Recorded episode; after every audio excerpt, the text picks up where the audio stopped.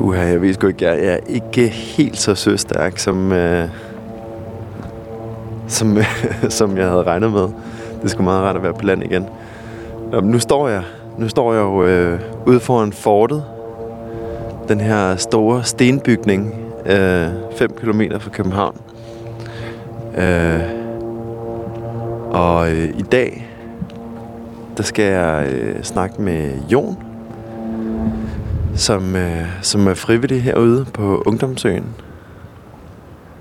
Øhm, og som bor herude, afskåret fra byen, som man kan se, når man kigger ind mod land. I hele sin herlighed. Øhm, det kan godt være svært at finde folk på, øh, på øen her. Men øh, nu smutter jeg ind, og så ser jeg, om jeg kan finde ham inde i gangene. Bum, bum.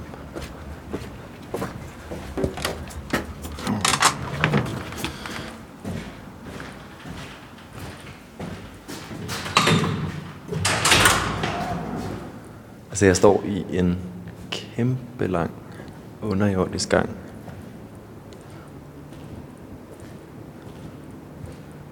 Måske sådan 3 meter bred.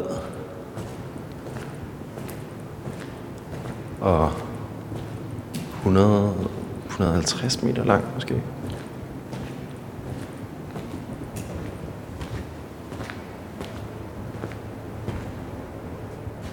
Så når man går hen ad den, så på hver side, der er der bare sådan gange, der er lige så lange og lige så brede ud til siderne.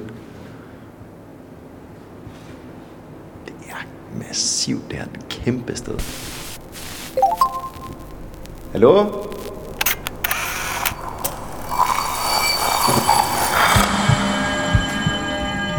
Vi ser os selv i spejlet hver dag. Som regel er det i forbifarten. Vi scanner lige kort, om vi ser ud, som vi skal, inden vi fortsætter vores dag. Vi ser det samme spejlbillede igen og igen i små øjeblikke. Men hvad sker der, hvis vi tager os tid til at se os selv i spejlet? Hvad ser vi, hvis vi ser os selv i øjnene? Sådan rigtigt. Hver uge vil vi besøge fem unge, der har noget til fælles, og bede dem om at bruge en time i selskab med deres eget spejlbillede. Jeg hedder Adrian Adler Petersen, og du lytter til Spejl.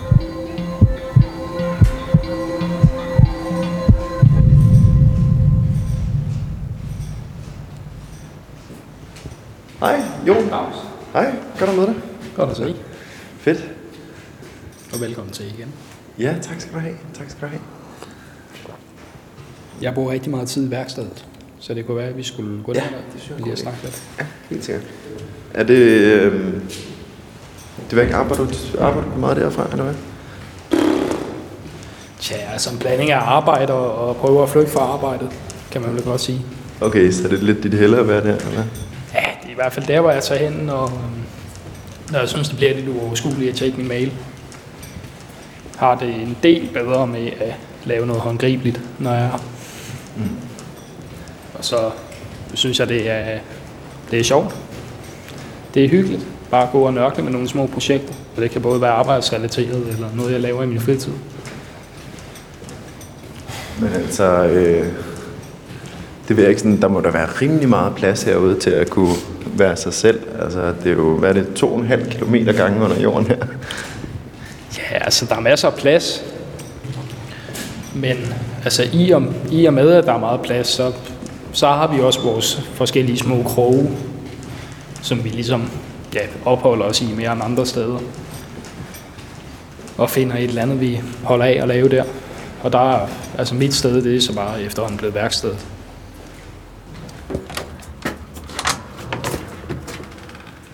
Det er så her. Hvad, hvad laver du som regel, når du er herinde? Det, Puh, det varierer sgu. Det kan, ja, det kan være lige fra træ til, til metal til at gøre maling klar til noget, der foregår udenfor. Altså, det er jo bare et rum, hvor, at, hvor det ja, er fantasien, der sætter grænser. Dog, hvis det er lidt større metalarbejde, hvis det er svejsning for eksempel, så er det inde ved siden af, det foregår.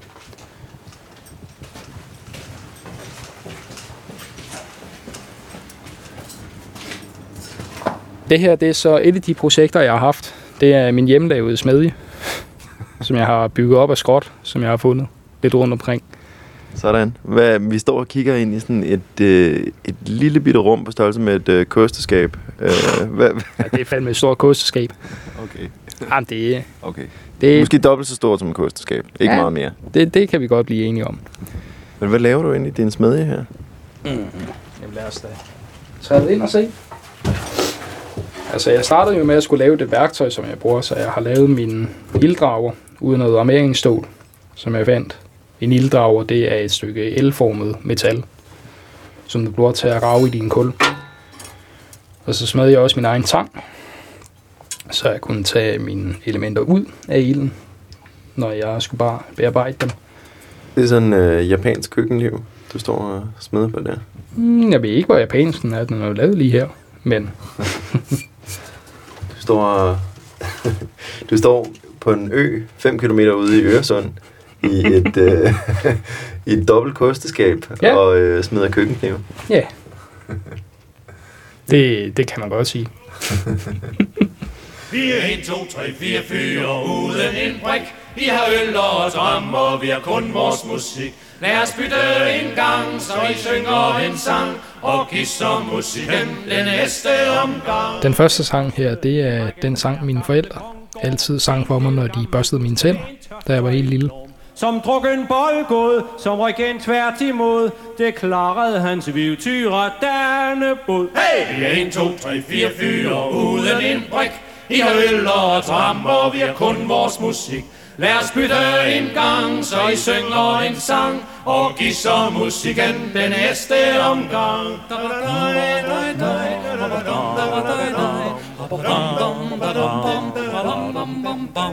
Den anden i rækken er Christian den fjerde. Sprutter søde skøn jomfruer kunne han ikke lade være. Kolde snapse og piger gjorde hans liv til en sviger Derfor byggede han børsen med poptræk og spil Hey! 1, 2, 3, 4, 4 uden en brik.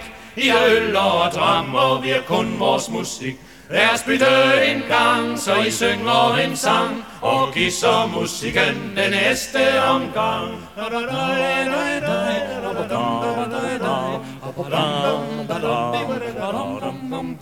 Den tredje i rækken er som en Tortens skjold. Han gør altid en omgang, når han var på sol. Det svensken især gav han tit ind til flere. Og så så til toppen, han kom med sin her. Hey! 1, 2, 3, 4 fyre uden en brik. I har øl og dram, og vi har kun vores musik.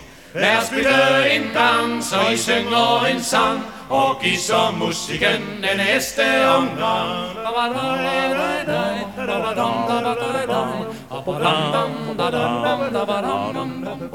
Den sidste af de herrer, som skal stå for skud, er en god gammel kending, det er arme prins Knud. Når hans tørst blev for slem, hæv han ølkassen frem, og så holdt han hof for sig selv i sit hjem. Hey! 1, 2, 3, 4 fyre uden en brik. I har øl og dram, og vi har kun vores musik. Lad os bytte en gang, så I synger en sang, og gisser musikken den Nu sidder vi foran spejlet. Og øh, jeg tænker, at øh, jeg vil bede dig om at lukke øjnene og tælle ned fra 5. Og når jeg så når 0, så øh, åbner du øjnene. Er du med på det? Yep. 5, 4, 3, 2, 1. Nu må du gerne åbne øjnene. Ja. Hvad er det første, du lægger mær- mærke til ved dit eget spejlbillede?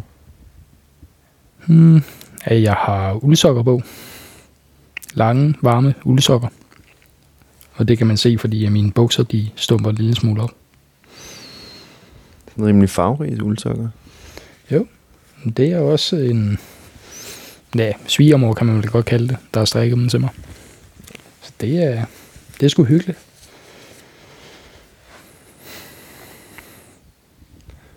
Hvor, når har du sidst set dig selv i spejlet?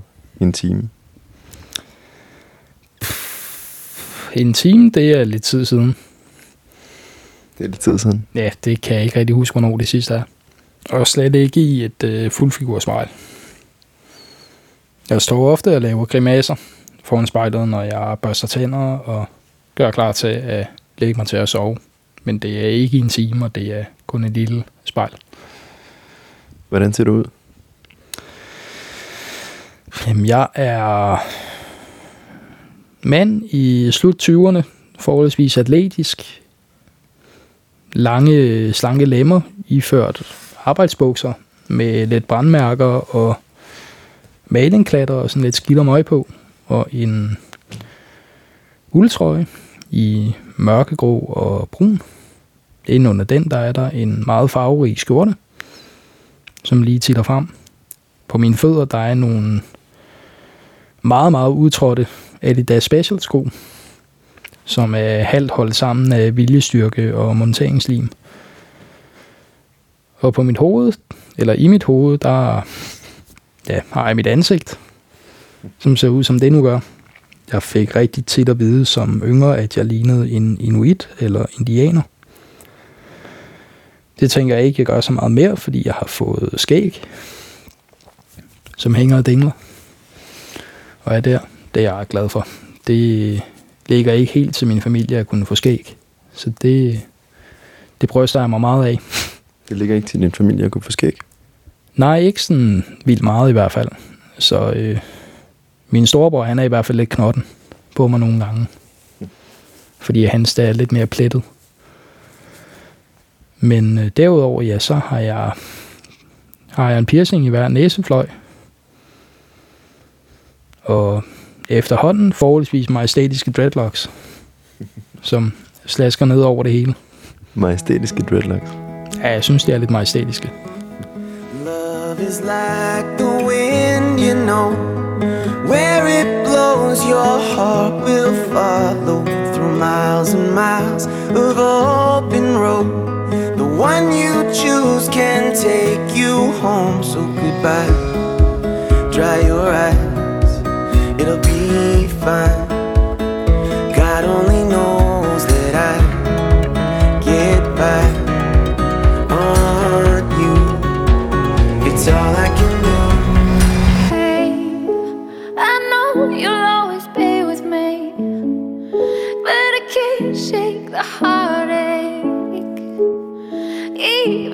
The day don't break, it's gonna be okay.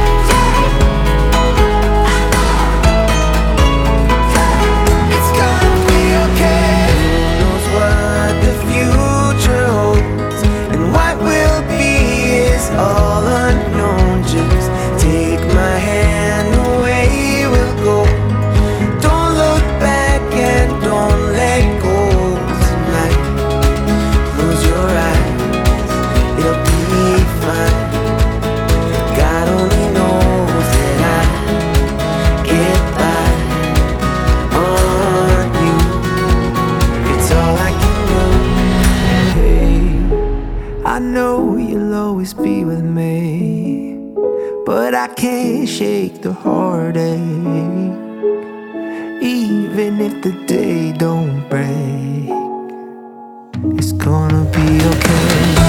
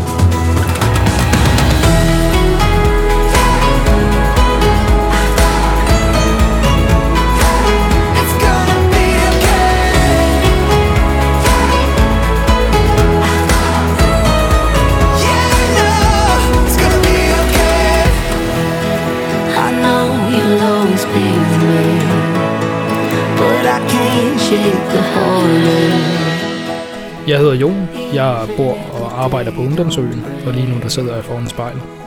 It's gonna be okay. Hvad kigger du på lige nu? Jeg kigger på min fod, fordi at øh, min højre fod, den irriterer mig lidt, fordi min ankel, den knækker, når jeg ruller med foden. Og så gør den nogle gange en lille smule ondt, hvis jeg har gået længe. Så lige nu kigger jeg bare på den og bevæger den og overvejer, hvad jeg skal gøre. Hvorfor gør den ondt? Jeg tror, det er fordi, at mine ben ikke er lige lange, og så træder jeg skævt ned på den ene fod. Er dine ben ikke lige lange? Nej, det er de ikke. Hvis du kigger her på min venstre so, så kan du se, at der er en ekstra sål, et ekstra lag. Og det er simpelthen for at få mit venstre ben, eller min venstre fod hævet op i niveau med min højre. Så jeg ikke ender med at gå skævt. Hvor meget længere er det? Hmm, lige lidt over 2 cm. 2,5, 2,3 tror jeg. Men det er jo så også en af de ting, jeg gør, at jeg er så glad for at være aktiv, som jeg er. Fordi så længe jeg er aktiv med ordentlige arbejdsstillinger, så kan jeg faktisk styrke min ryg. Hvor jeg som yngre, da jeg fik at vide, at jeg skulle undgå løft og, og træning i forholdsvis høj grad, der endte jeg med at have meget, meget ondt og ofte have, altså have en ryg, der låste sig, så jeg faktisk ikke kunne bevæge mig. Så det er jeg rigtig glad for at være kommet ud af. Hvad tænker du på lige nu? Jeg tænker på, at det er spøjst at sidde og kigge på sig selv sådan her. Altså, synes du, det, at det er underligt eller ubehageligt at, at skulle snakke om sig selv på den her måde? Det synes jeg overhovedet ikke. Det er som sagt uvandt, men det er ikke noget, jeg har noget imod. Det er bare spøjst.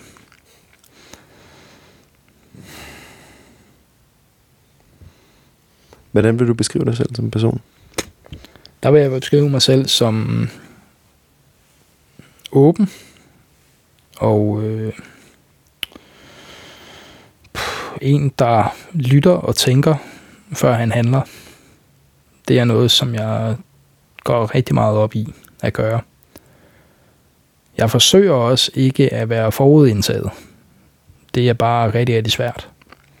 Men så kan man altid gøre op for det ved så at være åben i stedet for. Du fortalte, at øh, du går meget op i sådan ikke at være forudindtaget. Ja. Men at det godt kan være svært. Ja. Hvornår kan det være svært?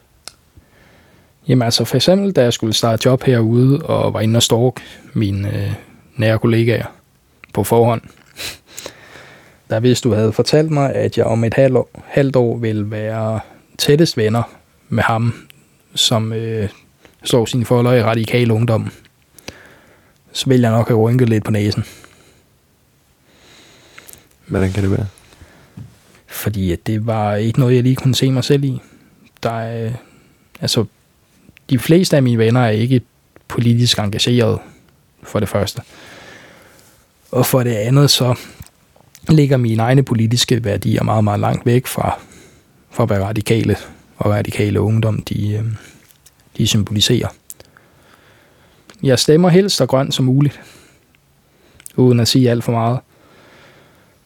Derudover så forholder jeg mig forholdsvis neutralt til politik, fordi jeg simpelthen ikke kan overskue det. Jeg er i højere grad interesseret i nogle øh, bestemte, bestemte emner, som jeg så går meget op i, og går meget op i at, at leve efter nogle principper i mit personlige liv. Hvad er det for nogle principper? Mm, jeg forsøger at leve øhm, meget grønt, altså klimavenligt. Jeg har, øhm, jeg holdt op med at spise animalske produkter for fire år siden, må det snart være. Så jeg holdt mig til at cykle og til offentlig transport, selvom jeg synes, at det kan være træls, når det er dårligt vejr. Og da jeg stod og skulle købe båd, så var det meget, meget vigtigt for mig, at det var sejlbåd, så jeg ville kunne køre på vindenergi. Og det kan man sige, der er der både et praktisk aspekt på, at der er ikke fare for, at du lige pludselig løber tør for vindenergi midt ude på havet. Men at der er også det grønne aspekt i det, at øh, nu er vinden der, og vi har hvad skal man sige, teknologien til at, at sejle for sejl. Den har vi haft i rigtig mange år og haft rigtig god tid til at optimere den. Så jeg kan lige så godt gøre det. Og så synes jeg jo også bare, det er sejere.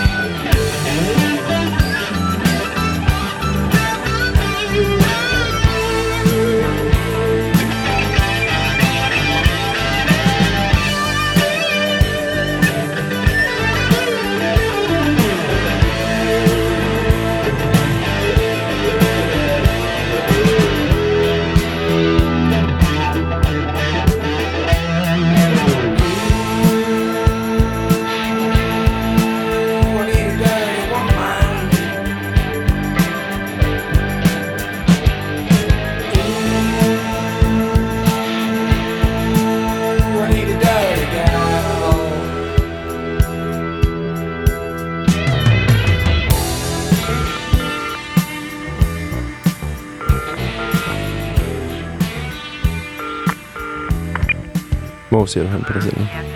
Mm, jeg kiggede lige på mit skæg. Hvad betyder det skæg for dig? Mm, det betyder rigtig, rigtig meget for mig. Jeg barberer mig glat en gang imellem, eller har gjort, for at minde mig om, hvem jeg er inde under. Fordi at jeg, jeg gror hovedsageligt mit skæg. Dels fordi jeg synes, det er pænt, men også fordi, at jeg gerne vil distancere mig selv fra den forholdsvis vrede knægt, jeg har været engang. Der var en meget, meget lang periode, hvor at jeg gik ikke og havde det specielt godt, da jeg var yngre. Og når jeg er glatbarberet, så minder jeg i ansigtet stadig rigtig, rigtig meget om, om den gang. Hvad var du så vred over? Hvad? Hvad var du vred over? Men jeg var vred over rigtig mange ting. Der var altså... Det sociale havde jeg svært ved, da jeg gik i folkeskolen. At der... Jeg synes aldrig rigtigt, at, at jeg fandt ud af det. Altså på grund af de øhm, værdier og færdigheder, som jeg var blevet givet hjemmefra, som, som måske var lidt atypiske, så følte jeg mig endnu mere forvirret og ved siden af. Og det endte rigtig ofte i nogle konflikter, som jeg ikke kunne håndtere. Og det, det er noget, jeg arbejder med en del, altså både igennem mine teenageår. Det blev heldigvis rigtig, rigtig bedre, efter jeg havde været på efterskole i et år. At der fandt jeg ligesom ud af, ja, at det egentlig ikke behøvede at være så træls.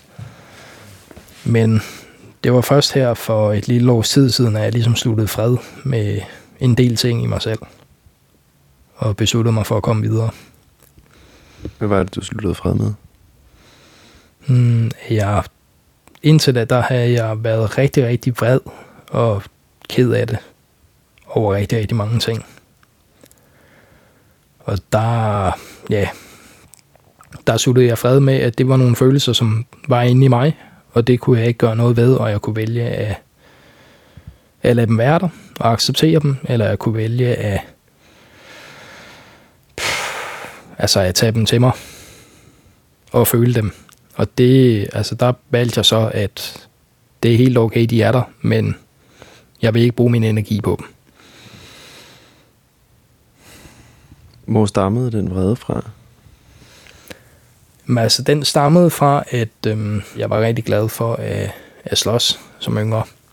Og det er jo også fint nok, når, altså så længe det er små børn, der slås mere eller mindre for sjov, og der er en grænse for, hvor meget skade de kan gøre på hinanden. Men så snart, at, at de her børn de bliver lidt ældre, så er der jo lige pludselig nogle, nogle andre regler, der gælder.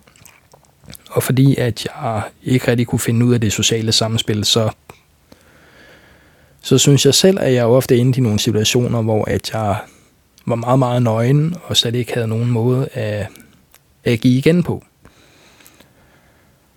Og det var altså fordi, at jeg følte mig meget presset i de situationer,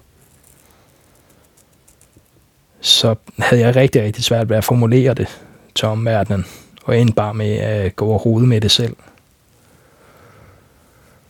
Så det er en meget, meget stor del af vreden, den stammer bare fra en følelse af magtesløshed.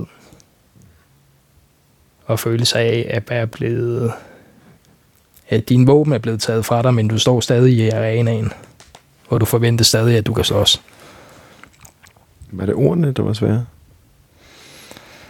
Det var svært, at konflikter de gik fra at blive løst med nu slår jeg dig, så slår du mig, og så er vi gode venner igen, til at konflikter det lige pludselig blev at nu så vi hinanden over et par måneder, og så kan det være, at en af os bliver kørt så langt ned, at den anden kan sige, at vi har vundet.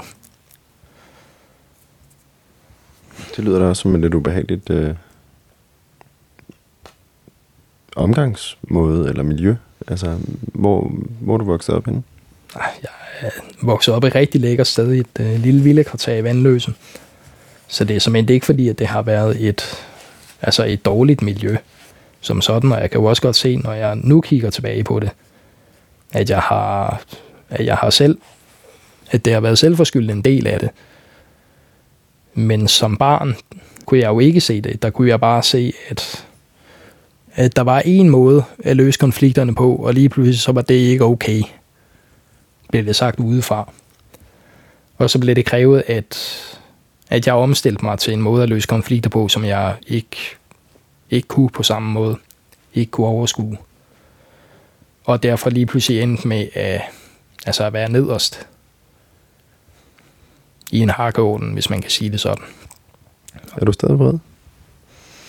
Nej, som sagt, jeg øhm, har ligesom sluttet fred med det. Jeg har bare besluttet mig for at komme videre.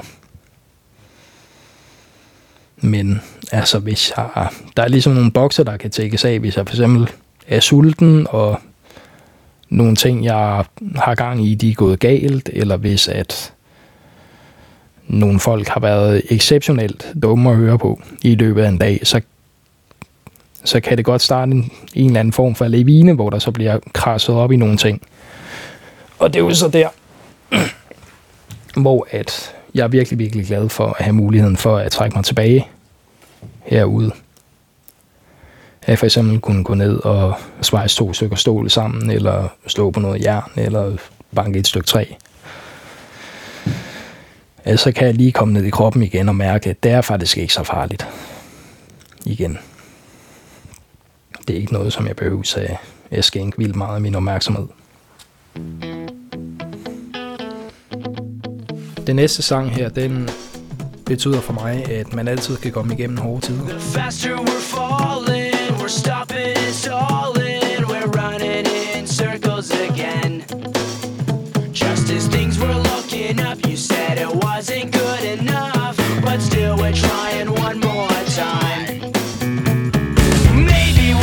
trying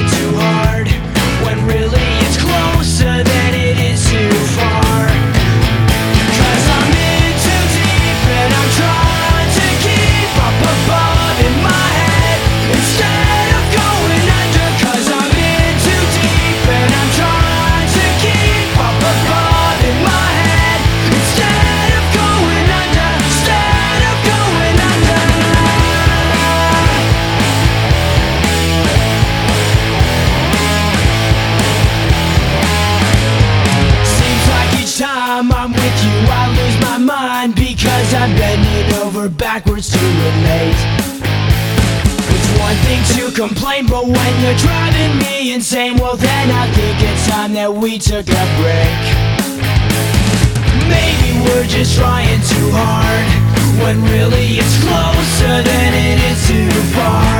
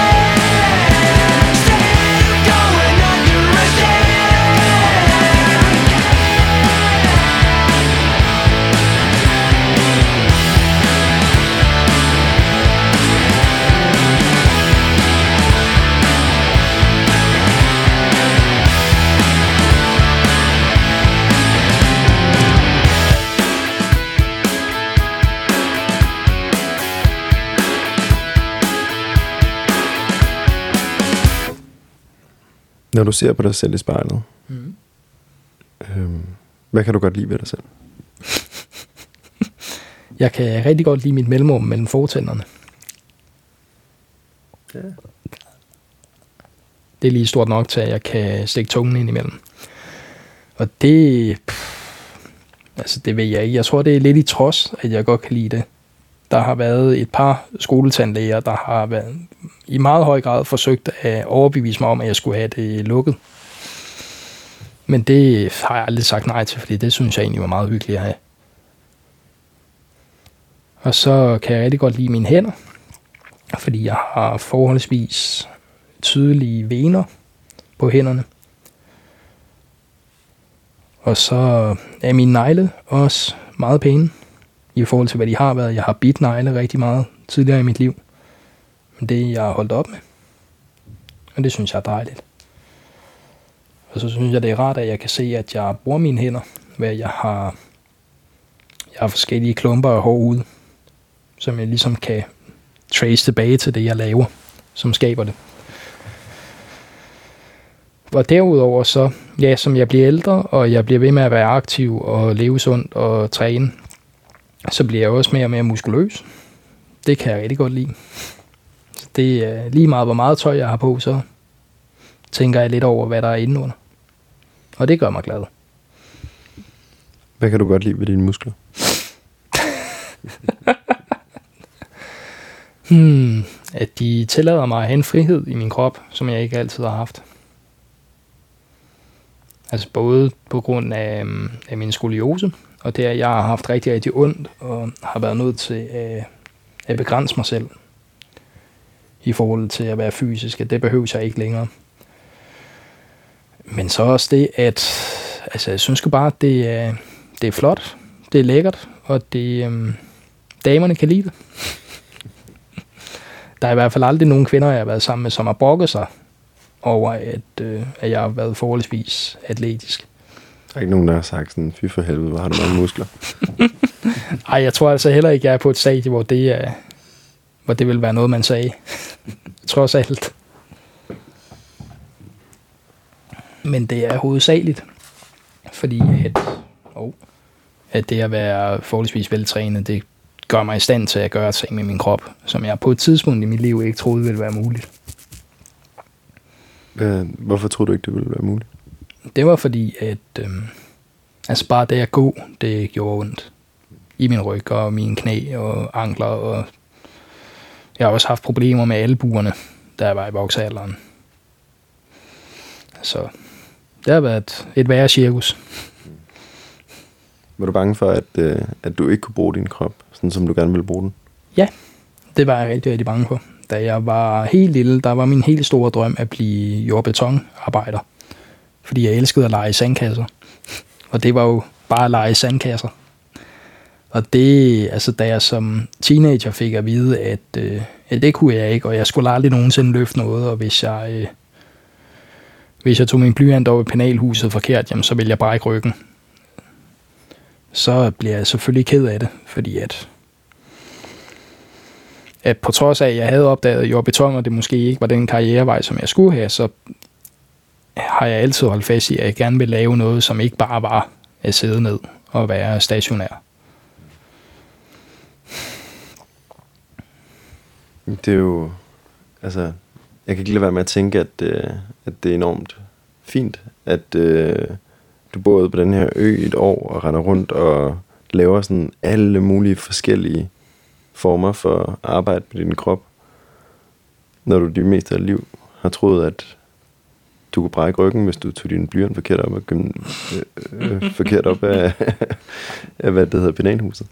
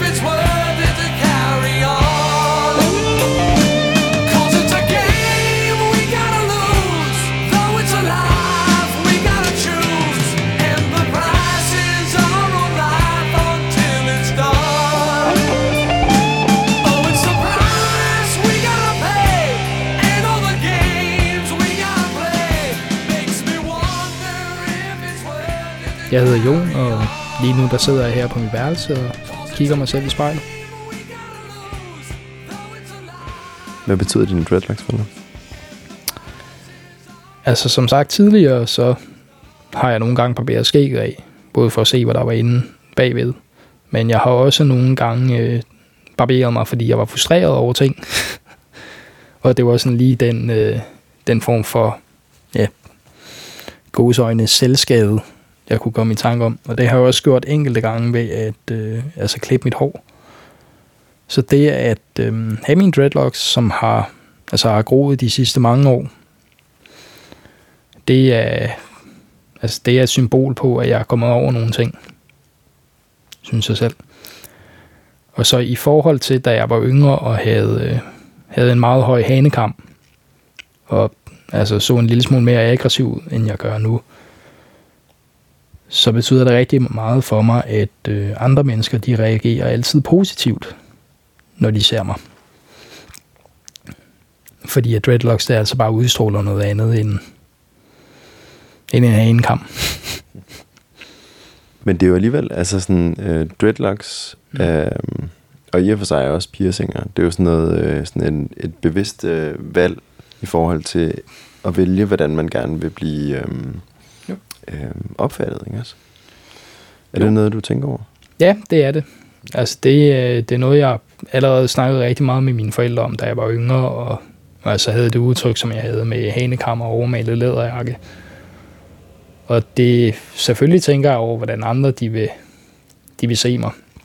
Men hovedsageligt så er det noget, jeg har gjort, fordi jeg simpelthen har lyst til det. Piercingerne fik jeg, øhm, da jeg lige var blevet 18, sammen med min tatovering. Hvad er det for en tatovering? Det er en torshammer. Og den, øh, den lagde jeg ret meget tanke i. Den har jeg, fordi at da jeg var helt lille og var bange for torden, fik jeg altid min fars torshammerhalskæde om halsen, når det tordnede, fordi at Thor, han vil jo aldrig ramme en af sine egne. Så det kan godt være, at alle andre bliver ramt af lynet, men jeg gjorde i hvert fald ikke. Altså, det er, det er sådan en lille halvøjfar der. Hvordan er dit forhold til din far? Jeg minder enormt meget om ham. Det, er- jeg bliver nogle gange lidt skræmt over det. Fordi, altså ligesom så mange, så øh, gider jeg overhovedet ikke være ligesom de der to idioter, der opfoster mig. Men jeg må nok også indrømme, at, øh, at jeg ender med i hvert fald at blive en blanding af alt det gode fra dem. Men altså, jeg ligner min far enormt meget. Men har du et godt forhold til din far? Det kommer an på i hvilken sammenhæng. For eksempel temperament. Altså, det er jo aldrig noget, som øhm, mine forældre har aldrig været uhensigtsmæssige i den måde, de har reageret på. Da mig og min bror, vi stadig boede hjemme og var børn og så videre. Men altså, som, som vi så er blevet ældre, så har vi jo så fået øjnene op for, for hvad skal man sige, de menneskelige fejl, som de begge to har. Man kunne få en skideball af mor, det var jo som det var. hvad man kunne, altså, når man fik en skideball af far, så, så havde man høje tændinger bagefter. Der, der var bølgerne høje.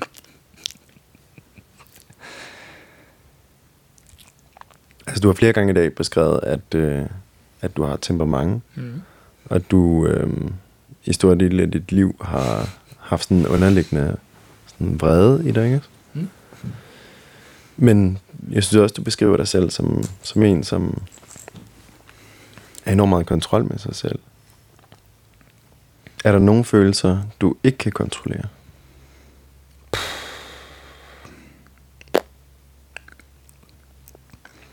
Jeg har det svært med at blive sulten. Men øh, det er jo bare fordi, at at det er en af de bokse, der ligesom kan tækkes af, for at jeg øh, begynder at miste den her kontrol, som betyder rigtig meget for mig. Altså, så begynder jeg at af folk og blive, blive uhensigtsmæssigt arg. Og det har jeg jo ikke lyst til.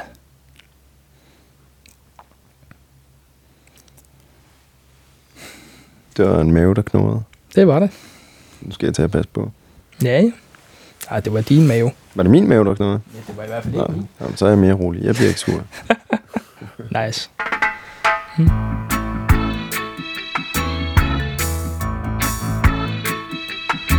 Den her sang, den minder mig om, at man nogle gange bare er nødt til at smile og tænke, det går nok.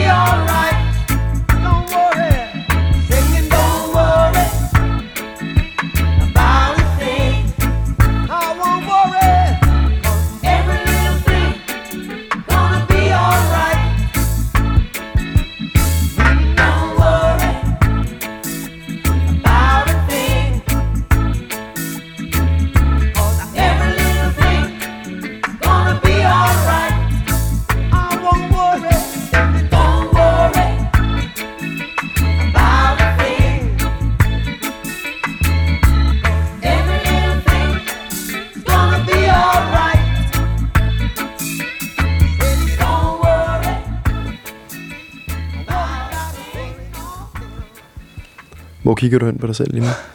Kigger på min næse.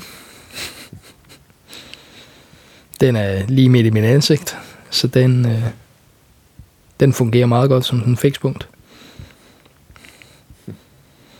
Der er piercinger i. Den er en lille smule skæv, hvis man ser den nedefra. Går den sådan en lille smule mod venstre.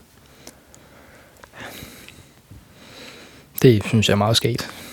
Det opdagede jeg som 14-årig, tror jeg. Kan du huske øh, det tidspunkt, du finder ud af, at din næse er skæv på? Det kan jeg. Vi øh, sad og grillede på terrassen derhjemme. Og ja, jeg havde lige vendt, øh, jeg havde lige vendt nogle pølser på grillen. Så jeg står op, og min far han sidder ned og har lagt hovedet tilbage for at sige et eller andet til mig. Og stopper midt i sætningen og siger, din næse er jo fandme skæv. Jeg tænkte, åh nej. Endnu mere, der er galt. Men det har jeg sluttet meget fint fred med. Det må den gerne være. Og så synes jeg bare generelt, næser de er sjove. Altså alle forhold, jeg har været i, der har jeg, øh, der har jeg fået rigtig mange høvl for at kysse personens næse for meget. Hvad handler det om? Du kan godt lide at kysse næser. Ja, tydeligvis. Altså, jeg tror, det er fordi rigtig mange kvinder, de synes, deres næser er for store, eller forkert formet, eller grimme. Og så er det et øh, forsøg på at give den noget love. Det ender så bare i koldt vejr, der kan det nogle gange ende i øh, altså irritation og hudløshed på næsen. Men øh, det var man jo så med.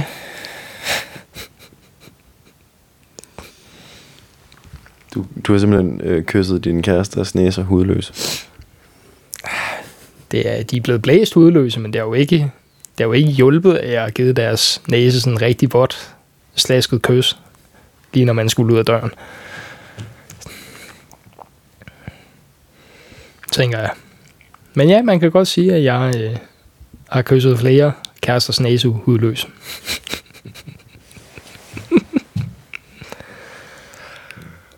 Hvilket spørgsmål vil du stille dig selv lige nu, hvis du er mig? Det er da meget meta. hmm. Jeg vil spørge, hvad gemmer sig bag dit smil? Hvad gemmer sig bag dit smil? Fuck dig. øh, jeg smiler for det meste, og jeg nynner for det meste, og jeg um, altså er for det meste meget glad og nem at have med at gøre. Men op i min hoved, der kan det meget hurtigt blive til, at jeg overanalyserer eller spekulerer rigtig, rigtig meget på ting. Og giver mange, mange ting en meget større betydning, end de egentlig bør have. Men det at smile er så også for mig en måde at sige, nu går vi væk fra at være oppe i hovedet, og så forholder vi os til omverdenen. Og åbner op, i stedet for at, at lukke os ind i vores egen lille tankerum.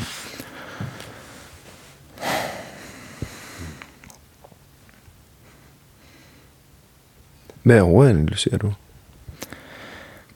Hvad overanalyserer jeg ikke?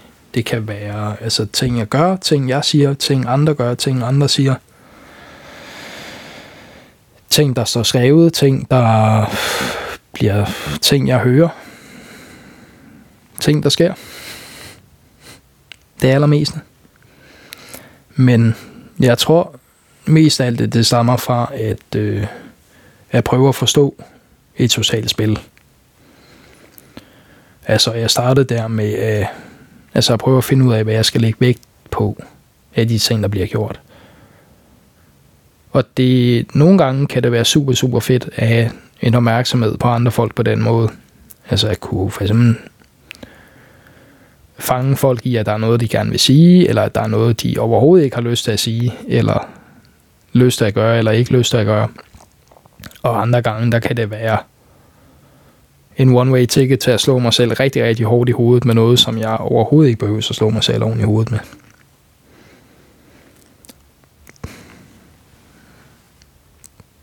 Har du noget, du vil sige? Lyt til din krop, lyt til dig selv. Vær ærlig over for dig selv, og vær ærlig over for andre. Så bliver det hele sgu meget nemmere. Okay, så vil jeg bede dig om at lukke øjnene. Mm. Og 5, 4, 3, 2, 1. Og så kan du åbne dem igen.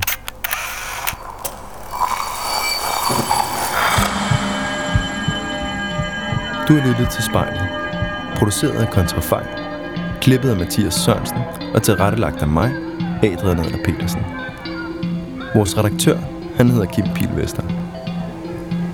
Musikken blev valgt af personen foran spejlet, og du kan finde spejlets playliste på din streamingtjeneste. Hvis du har noget på hjertet, eller hvis du har en idé til, hvem der skal foran spejlet, så skriv til os på Instagram.